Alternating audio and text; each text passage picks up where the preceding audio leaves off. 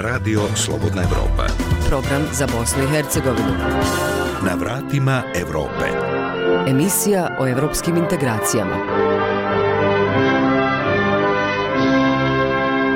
Dobar dan, ja sam Lejla Omeregić Ćatić i s vama sam narednih pola sata tokom kojih će biti riječi o temama koje se odnose na približavanje Bosne i Hercegovine standardima Evropske unije. A da bi se to ostvarilo, ovaj 2. oktobar 2022. je posebno važan jer se održavaju opšti izbori, čime i počinjemo ovu emisiju na vratima Evrope. Prema podacima Centralne izborne komisije Bosne i Hercegovine, izlaznost do 12 sati je bila 14%, što je za 3% više u odnosu na prošle izbore 2018. Na 12 biračkih mjesta je došlo do kašnjenja otvaranja, dok su ostala otvorena na vrijeme. Najteže kršenje izbornog zakona zabilježeno je u Novom gradu, gdje je pet lica uhapšeno zbog izbornih nezakonitosti u izbornoj jedinici Hozići. Tužilaštvo Bosne i Hercegovine sumnjiči ih da su donijeli velike količine unaprijed popunjenih izbornih listića na to biračko mjesto. Koordinirano su djelovali tužilaštvo BiH i okružno javno tužilaštvo Prijedor, a glavni tužilac tužilaštva Bosne i Hercegovine Milanko Kajganić objašnjava. Lica će biti predata tužilaštvo Bosne i Hercegovine iz razloga što se E, na glasačkim listićima koji su oduzeti utvrđeno je da su listići popunjeni i za nivoje vlasti Bosne i Hercegovine, odnosno za članove presjedništva i za parlamentarnu skupštinu Bosne i Hercegovine, iz čega proizilazi da će za navedeno krivično djelo biti nadležno tužilaštvo Bosne i Hercegovine. Na tom izbornom mjestu u Hozićima moguće odgađanje izbornog procesa što je najavio predsjednik Centralne izborne komisije Suad Arnautović. Centralna izborna komisija Bosne i Hercegovine će u skladu sa članom 14.2 izbornog zakona Bosne i Hercegovine vjerovatno donijeti odluku o odgađanju izbora na tom biračkom mjestu, o čemu će javnost biti na vrijeme informirana. Ukupan broj prijavljenih događaja koji se smatraju incidentalnim je 9, od toga u Federaciji BiH 4, u Republici Srpskoj 1 i u Brčko distriktu 4. Predsjednik Centralne izborne komisije Suadar Nautović je kao problem naveo i to da neke političke stranke na pojedinim izbornim mjestima povlače svoje članove biračkih odbora koje su predložili opštinskoj izbornoj komisiji koji su educirani, certificirani, koji su trebali ili da se pojave, nisu se pojavili ili su odustali u radu općinske, odnosno gradske izborne komisije. Dakle, to je ona situacija koju smo mi i prezentirali, i predvidjeli, i procijenili da će se desiti. Još jednom apelujemo na zakonodavca da razmotri pitanje člana 2.19 izbornog zakona i, e, i ocijeni da li ovakav način e, predlaganja u članstvo biračkog odbora gdje političke stranke imaju isključivi monopol na to predlaganje, da li on najidealniji i najbolji za Bosnu i Hercegovinu. Među 14% građana koji su prije podne ispunili svoju građansku dužnost bili su Elmedin Muradbegović iz Sarajeva i Dragica Inac iz Banja Luke. Pa ja prvi očekujem da će ljudi izaći na izbore. Mislim da je to naša dužnost da praktično to obavimo u ovoj državi jedan put u dvije godine na različitim nivoima, a očekivanja su uvijek da bude bolje. Očekujem veliku izlaznost i da bo, samo želim da prođe sve u miru kako treba. Iz koalicije pod lupom su pozvali građane i građanke da prijave sve uočene nepravilnosti toj koaliciji putem besplatnog broja 080 05 05 05 na web stranici podlupom.org ili putem društvenih mreža. Na opštim izborima građani na četvorogodišnji mandat biraju tri člana predsjedništva Bosne i Hercegovine i 42 poslanika u predstavničkom domu parlamentarne skupštine BiH. Na entitetskom nivou bira se 98 poslanika za parlament Federacije BiH, odnosno 83 za Narodnu skupštinu Republike Srpske. U tom entitetu se biraju predsjednik i dva podpredsjednika, a u Federaciji BiH se bira još ukupno 289 poslanika u 10 kantonalnih skupština. Opšti izbori u Bosni i Hercegovini održavaju se po osmi put od završetka rata. Na njima pravo glasa ima ukupno 3 miliona 368 hiljada 666 birača, a oni biraju ukupno 518 članova organa za državni, entitetske i kantonalne nivoje vlasti vlasti. Na vratima Evrope. Emisija o evropskim integracijama. Ostanite uz nas do kraja emisije i poslušajte priče o novim tehnologijama u proizvodnji hrane, digitalnim nomadima u Bosni i Hercegovini, azilima za pse, planinarenju i tradicionalnim jelima. Nove tehnologije budućnost su u proizvodnji hrane. Pametna poljoprivreda smanjuje troškove i povećava prinose. Inovacije su neophodne. Tehnologija je ključ savremene i učinkovite poljoprivrede. Ovo su samo neke od tema o kojima se govori u Evropskoj uniji. No, kakva je situacija u Bosansko-Hercegovačkom agraru za čiju modernizaciju sredstva izdvaja Evropska unija? Pomaka na terenu ima, ali domaća poljoprivreda još nije u cijelosti napravila iskorak iz 20. u 21. vijek. Poslušajmo šta je o tome saznao Arnes Grbešić. Moderne tehnologije u poljoprivredi nisu samo automatizacija i digitalizacija. Odnose se i na korištenje ogromnih baza podataka za planiranje u proizvodnji, objašnjava vanredni profesor na Poljoprivredno-prehrambenom fakultetu Univerziteta u Sarajevu Jasmin Grahić to bi jednom proizvođaču pomoglo da dobije najkvalitetniji e, plod i da dobije najveći prinos tog ploda u toku jedne sezone. Na koji način? Tako što će mu se tačno u svakom segmentu reći, na primjer, koliko će vode dati tim kulturama, kakve će obroke praviti. Znači na osnovu nekih prostih, recimo prostih mjerenja i na osnovu modeliranja koji nije toliko prosto već i koji zahtjeva malo veće aktivnosti, reći mu kako će se ponašati u konkretno tim uslovima. Koliko će đubriva dati ili koliko će konkretno đubriva dati tim kulturama kako bi mogao da iznese ili taj potencijal uopšte u, u smislu roda koje takva kultura ima. Savremena poljoprivreda zasniva se i na prognozama.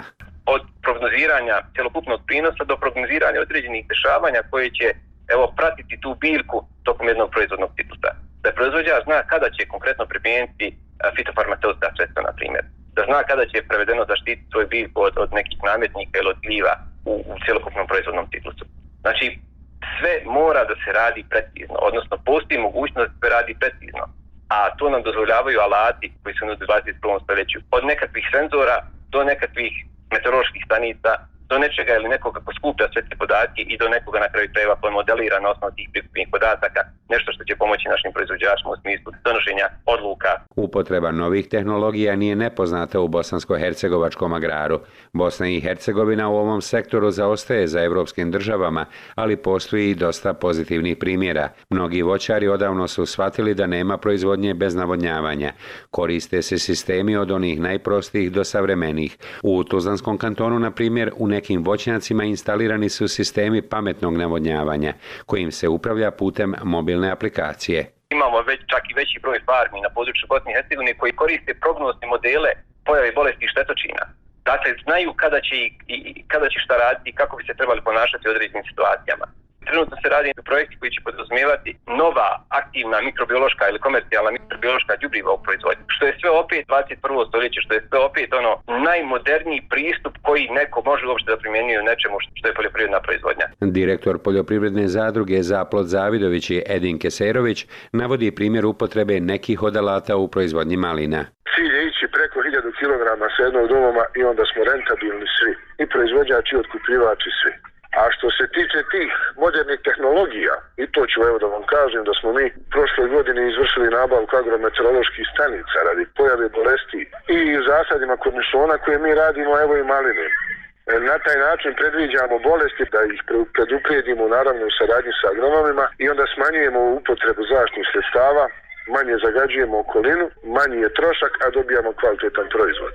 Mi smo na području opštine Zavljeći postavili tri teadrameteorološke stanice koje su dovoljne za našu mikrolokaciju. To nas je košta nekih 50.000 maraka.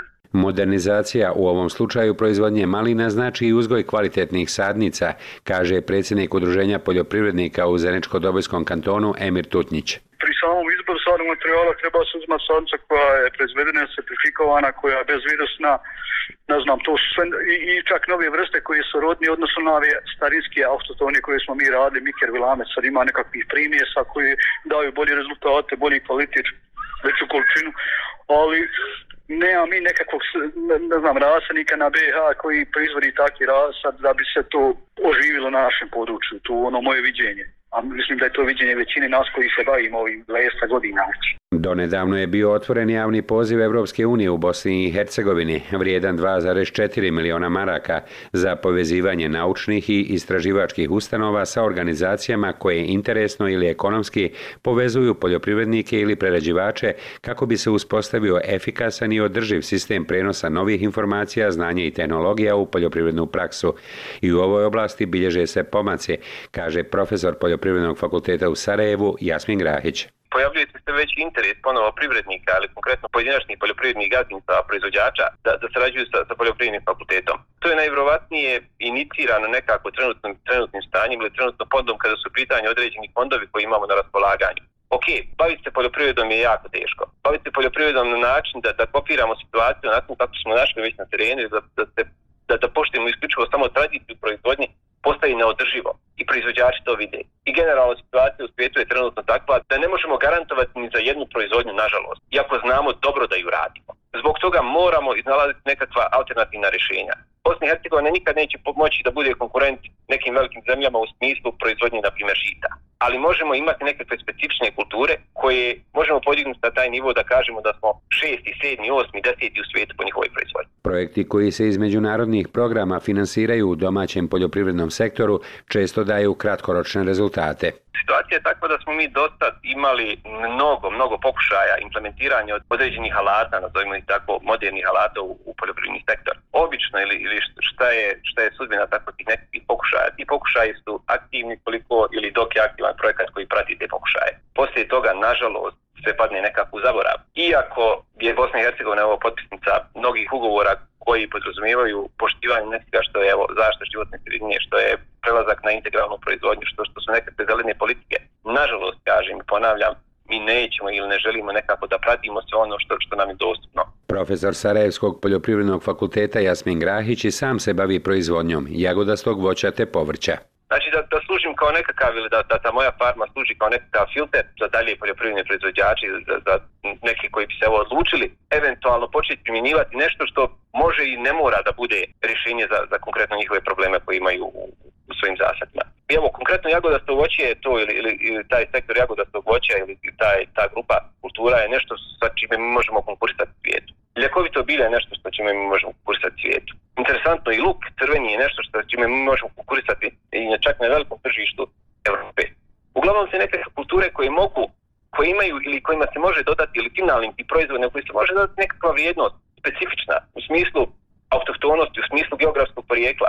Uzimajući naravno u obzir činjenicu da, da bosansko-hercegovski proizvođač nema na raspolaganje ogromne površine. Znači sve ono što se efikasno, uspješno može implementirati na 2, 3, 4 dumoma, može postati konkurentno na evropskom tržištu. Iz Doboja za radio Slobodna Evropa, Arnes Grbešić. Mostar i šire mostarsko područje nastoje se oporaviti od ekonomskih šteta prouzrokovanih pandemijom koronavirusa. U glavnoj privrednoj grani na tom području, turizmu, kao što je poznato, gubici, pogotovo u prvoj godini pandemije, pejeli su se i do oko 90%. Kako bi se turizam oporavio od posljedica pandemije, u Mostaru i Hercegovini, a time u cijeloj Bosni i Hercegovini, Evropska unija finansira jedan poseban projekat čiji je cilj vratiti to područje u fokus pažnje svjetskog turističkog tržišta.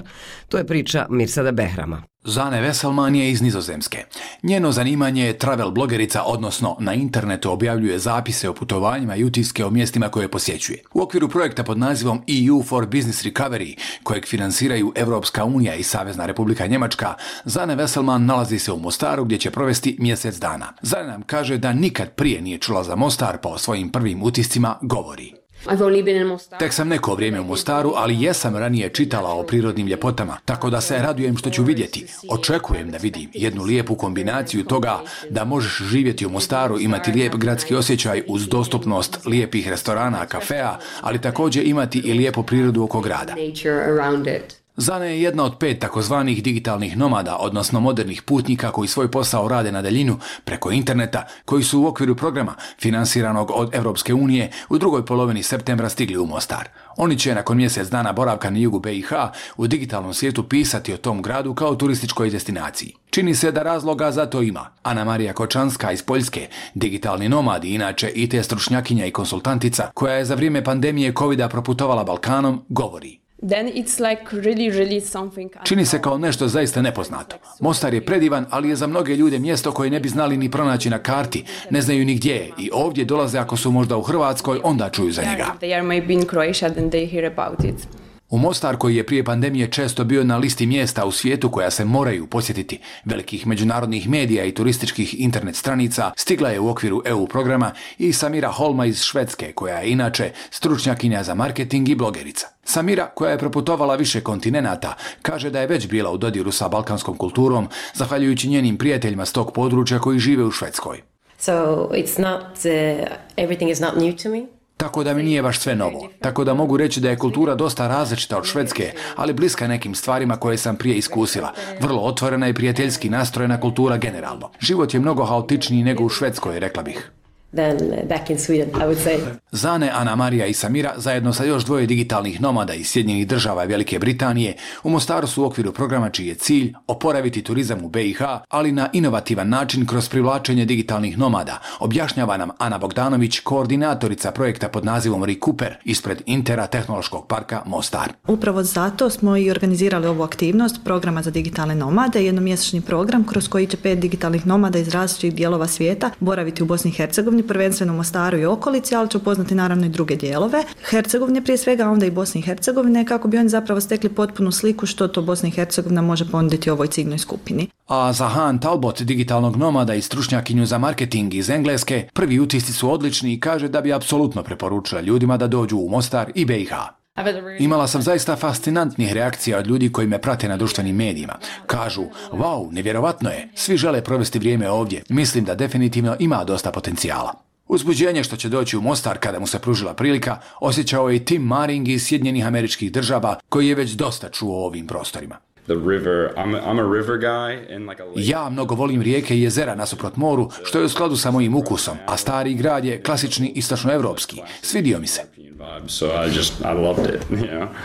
Zane, Ana Marija, Samira, Han i Tim su ipak poslovni ljudi koji svoj posao obavljaju na daljinu. Pitanje koje se nameće imaju li u Mostaru i BiH uslove da rade ono što namjeravaju, pogotovo u Code Hubu Mostarskog Intera tehnološkog parka gdje su najviše bazirani. Šveđanka Samira Holma o tome govori. Mogu odavde voditi moj biznis bez ikakvih problema. Ovdje je jako lijepo, dobijete dosta inspiracije, novih ideja. Definitivno bih preporučila ljudima da dođu ovdje i to provjere. Upravo to se i očekuje od pet digitalnih nomada u Mostaru. Koordinatorica Recuper projekta Ana Bogdanović objašnjava kako se od pet digitalnih nomada očekuje da sredinom oktobra, nakon mjesec dana na jugu BiH, pruže potpuno iskren feedback, odnosno povratnu informaciju kako bi se vidjelo šta zapravo valja u Bosni i Hercegovini, a šta treba unaprijediti. Naravno da oni imaju neke svoje obveze, a to je prije svega promocija Hercegovine na njihovim društvenim mrežama i svim onim kanalima i zajednicama u kojima oni borave, jer je upravo se pokazalo u prethodnom periodu da digitalnim domadima je to najbitnije, taj neki marketing od usta do usta. I upravo zato želimo da nakon što nam na, i nama daju iskrenu povratnu informaciju, da oni sve ove informacije o nama prenose zapravo negdje tamo svojim kolegama. Za Radio Slobodna Evropa iz Mostara, Mirsad Behram. Emisiju Na vratima Evrope možete i pročitati na našoj web stranici slobodnaevropa.org. Gradska administracija Trebinja potpisala je ugovor sa britanskom organizacijom Mreža za životinje kako bi se izgradio novi azil za pse u tom gradu. Vrijednost projekta je 511.000 konvertibilnih maraka, a radovi kreću početkom oktobra. Zabilježio Nebojša Kolak. Trenutni azil za pse u Trebinju ne ispunjava sve uslove za ove životinje i kapaciteti su malih. Reči su Davida Baneta, izvršnog direktora britanske organizacije Mreža za životinje. On je istakao da kad je vidio azil za pse na gradskoj deponiji bio je vidno potrešen. Mi trenutno sprovodimo 40 projekata u 26 zemalja svijeta i kada su me moji saradnici iz regiona prije godinu dana nagovorili da dođem u Trebinje da vidim kako je tu situacija sa napuštenim životinjama, ja sam malo klijevao, međutim oni su bili jako uporni uspjeli su da me nagovore da dođem i kada sam došao i vidio da se azil nalazi na gradskoj deponiji, bio sam veoma potrešen tim prizorima. Prema Banetovim riječima odlučio se da dođe u Trebnje zbog ljudi koji su mu napravili divan doček. Međutim, ono što me je podstaklo da pružim ruku saradnje gradu Trebinju je bio njihov odnos i njihov prijem. Jer znate, na mnogim mjestima u svijetu kada dođete i razgovarate sa lokalnim vlastima, oni budu neprijateljski nastrojeni prema vama ili prema životinjama ili prema oboj, zato je veoma teško sarađivati sa njima. Međutim, u Trebinju nije bila takva situacija. Ovo je do sad najveća, naša najveća investicija na Balkanu i uvjereni smo da će Trebinje biti primjer za druge opštine u regionu. Manec je dodao da ovdje nije samo u pitanju sam projekat, nego i način kako su ljudi pristupili njegovom sprovođenju u dijelo. Načelnik odjeljenja za komunalne poslove Spasoje Radović navodi zakone koji su propisani kako i na koji način se psi drže u azilu po onim zakonima koji postoje u određenim boksima može da bude jedan, u određenim može da bude tri i od toga će zavisiti naravno koliki broj će biti u određenom trenutku se naglasti u azilu. Azil je projektovan i bit će izgrađen sigurno jedan najmoderniji način što se tiče na Balkanu bilo koga bilo koga azila. Gradonačelnik Trebanja Mirko Ćurić rekao je da će mreža za životinje finansirati 80% projekta, dok će ostatak sredstava izdvojiti grad Trebinje iz budžeta. Upravo je grad rekao da će da nastavi da podržava sa tim procentom kojim smo i obećali, što znači otprilike e, 20% učestvuje grad. E, smatramo da je to nešto što je značajno ne samo za Trebinje, nego za regiju. I danas smo također komentarisali Trebinje kao turistički grad mora da brine i o životinjama. Turisti koji dolaze iz cijelog svijeta kada vide da se ne vodi računa kako treba, upravo na neki način širimo lošu sliku. To nama nije bio cilj. Novi azil za pse moći će da primi 60 životinje. Njegova vrijednost je 511.000 konvertibilnih maraka, a radovi kreću u početkom oktobra mjeseca. Završetak se očekuje u roku od 3 do 4 mjeseca. Istremlja za Radio Slobodna Evropa, Nebojša Kolak. Za 1130. rođendan svome gradu u čast Planinarsko društvo Cincar Livno organizovalo je šestu godinu zaredom dvodnevnu manifestaciju Dani Cincara. Bila je to prigoda za planinare, šetače, brdske bicikliste i sve ljubitelje prirode iz cijele regije da se okušaju usponu na planinu, čiji se najviši vrh nalazi na 2600 metara nadmorske visine. Čujemo priču Željke Mihaljević. Do planinarskog doma Kruzi pod Nocincara stizalo se pješice, biciklima, automobilima. U pohode Velebnoj planini došli su predstavnici 26 planinarskih društava iz Bosne i Hercegovine, Hrvatske, Srbije i Slovenije. Poslužilo ih je i vrijeme tako da ništa nije moglo pokvariti susret starih prijatelja. Govori nam Mirko Borilović iz Donjih Kaštela, inače član Hrvatskog planinarskog društva Malačka. Već 20 godina se penjeno ovde. 20 punih godina. Ima nas dosta. I svi se družimo i to je dobro. Posebna priča je zato što sam obišao cijelu Bosnu. Kiseljak, Kreševo, Kupres, Cincar, Prenji i tako dalje i Radušu i sve. I svi se mi više manje poznajemo i stvarno je uh, super s ljudima. Iz grada na Neretvi stigao je podmadak. Bila sam na danima Cincara i prošle godine naše društvo je dolazilo kada su bili dani planinara, tako da smo odlučili i ove godine upravo zbog tog super ova, iskustva i dojma se vratiti i mislim da nas je došlo više od 30. Kazala nam je Dora Rozić iz Mostarskog planinarskog društva Prenj 1993. A kako je ove godine organizirana i lakša dječja tura, bila je to prigoda da Krešimir Krišto iz Tomislav Gradske Orlove Stine povede cijelu obitelj. Došli smo iz Tomislav grada supruga i dvoje djece. Danas smo se odlučili za dječju turu. Imamo curicu od 5 godina i dječaka od 8, pa smo išli malo na, na lakšu turu. Naravno, odazvali smo se pozivu Cincara, onak prijateljsko društvo, družimo se inače i na ozbiljnijim pohodima, evo i na ovako na ovim godišnjicama i ono čast nam je i zadovoljstvo da smo, da smo tu.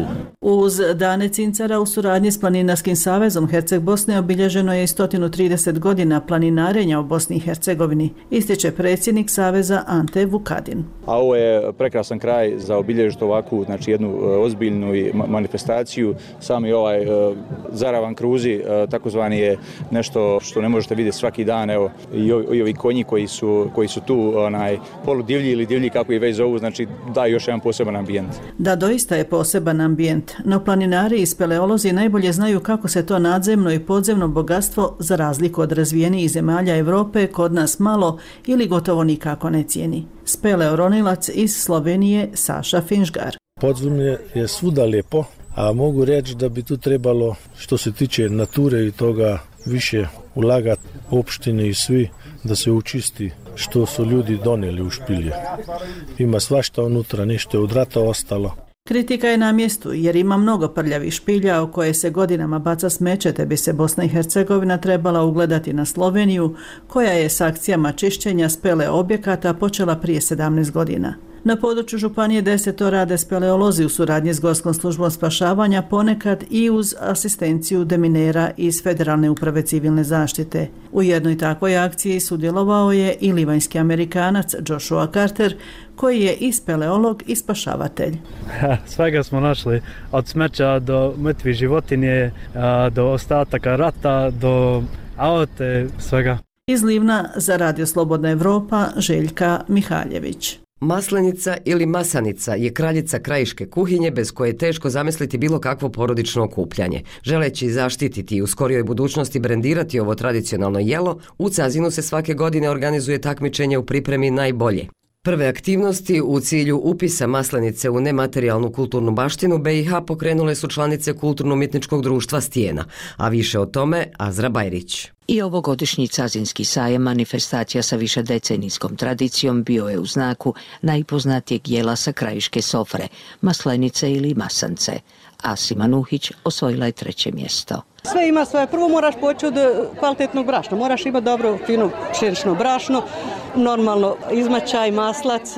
Moraš biti za to spreman, moraš imati ruku za to, znati kako, šta, ono, zamijesti dobro tijesto, znati kad se razvije, kad ćeš razvlašiti. Pečenje i o to isto igra ulogu. Znači sve ima, ima svoje. To nema ništa neki recept, pa taj to. Šta sam i razvila do sad. Na takmičenje je stiglo 25 maslenica, radi ocjene žirija pažljivo su se pratili. Najveće oduševljenje izazvala je naravno degustacija nakon takmičenja. Nerma Avdić, članica žirija. Prvenstveno naše krajičke masnice su od crnog pšeničnog brašna. Znači, sad ima puno maslinica, stavljali su, danas smo imali maslinicu sa orasima. To nije tradicionalna masnica. Tražimo izmićaj, zato je mirišimo. Da je fino ispečena, znači da je jufka rasrsita. Adisa Muhamedagić, članica organizacijenog odbora Sajma. Osnovni cilj je zapravo afirmisati to tradicionalno krajiško jelo kojeg imaju ostatku Bosne i Hercegovine, ali je sigurno najzastupljenije ovdje na našem području i masnica je nešto bez čega se ni jedan sobit manji ili veći ovdje u Cazinu okolici, Cazinskoj krajini, gotovo da i ne može zamisliti. Htjeli smo dakle afirmisati to domaće staro jelo koje se može jesti zaista u bezbroj kombinacija, koje nudi tako puno, ali je u onom gastro-kulinarskom smislu poprilično zanemareno da su odlične u pripremi ili, kako se u krajini kaže, razvijanju masanca i ove su godine pokazale članice Kulturno-umjetničkog društva Stijina. Još jedna njihova članica, Zahida Halkić, nedavno je u Bosanskoj Krupi osvojila prvo mjesto. Najbitnije je da je brašno dobro. To je moja domaća lično brašno što ja sijem šenicu, meljem na mlin, imamo svoj mlin i mora biti, miješam ulje, maslac, E tako, kad je pravijem, to dobro mora biti ugrijano. Ovo društvo pokrenulo je aktivnosti na upisu krajiške maslenice u nematerijalnu kulturnu baštinu Bosne i Hercegovine. Asima Sadiković, predsjednica društva. Proveli smo određene aktivnosti, sastali se sa predstavnicima Zavoda za zaštitu kulturnog nasljeđa Unsko-Saskog kantona, u Muzeja Unsko-Saskog kantona i uključili smo e, tu, znači imamo saradnju sa Centrom za kulturu i turizam Cazin, da bi proveli određena istraživanja, zapise i pripremili sve što je potrebno za upise. Ne možemo upisati samo masnicu kao jelo, nego kroz jedan običaj, zato je najbolji svadbeni običaj, pa znači sad radimo na tom istraživanju svadbenog običaja. Vrlo je malo zapisa, u arhivi, u knjigama, tako da mi sad evo trenutno radimo na terenu, uzmamo izjave od naših sugrađana da bi dobili jednu širu sliku kako je to bilo recimo na području krajine. Kroz sve te naše običaje glavno jelo je bilo masnica, evo vidite to je znači ono osnovno što je stavljalo na sofru i kao takvu znači e, mi je želimo zaštititi jer nigdje se ne radi masnica na ovakav način kao kod nas. I nigdje nije toliko popularna, niti joj pridaju značaja, zovu je različitim imenima, može se zvati masanca, maslenica, masnica, ali mi je, eto, zovemo masanca. Maslenica ili masanca se priprema na različite načine, no sastojci za onu pravu krajišku se znaju. Kvalitetno brašno i masnoća, a njena prhkost i punoća okusa zadovoljit će i najprobirljivije gurmane, posebno ako se još ima na umu činjenica da se može poslužiti uz brojne druge namirnice, sir, pekmes, med, pečeno pile. Krajišnici stoga smatraju da ovo jelo treba i vrijedi zaštititi i brendirati. Za Radio Slobodna Evropa, Azra Bajrić.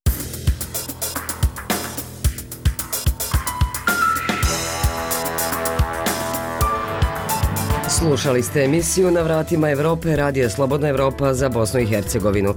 Sve naše sadržaje možete naći na web stranici slobodnaevropa.org, dok podcaste za vir ispod površine, glaso mladih između redova, osim na web sajtu potražite i na Facebooku i Twitteru, kao i na Spotify, Google podcastima i iTunesu.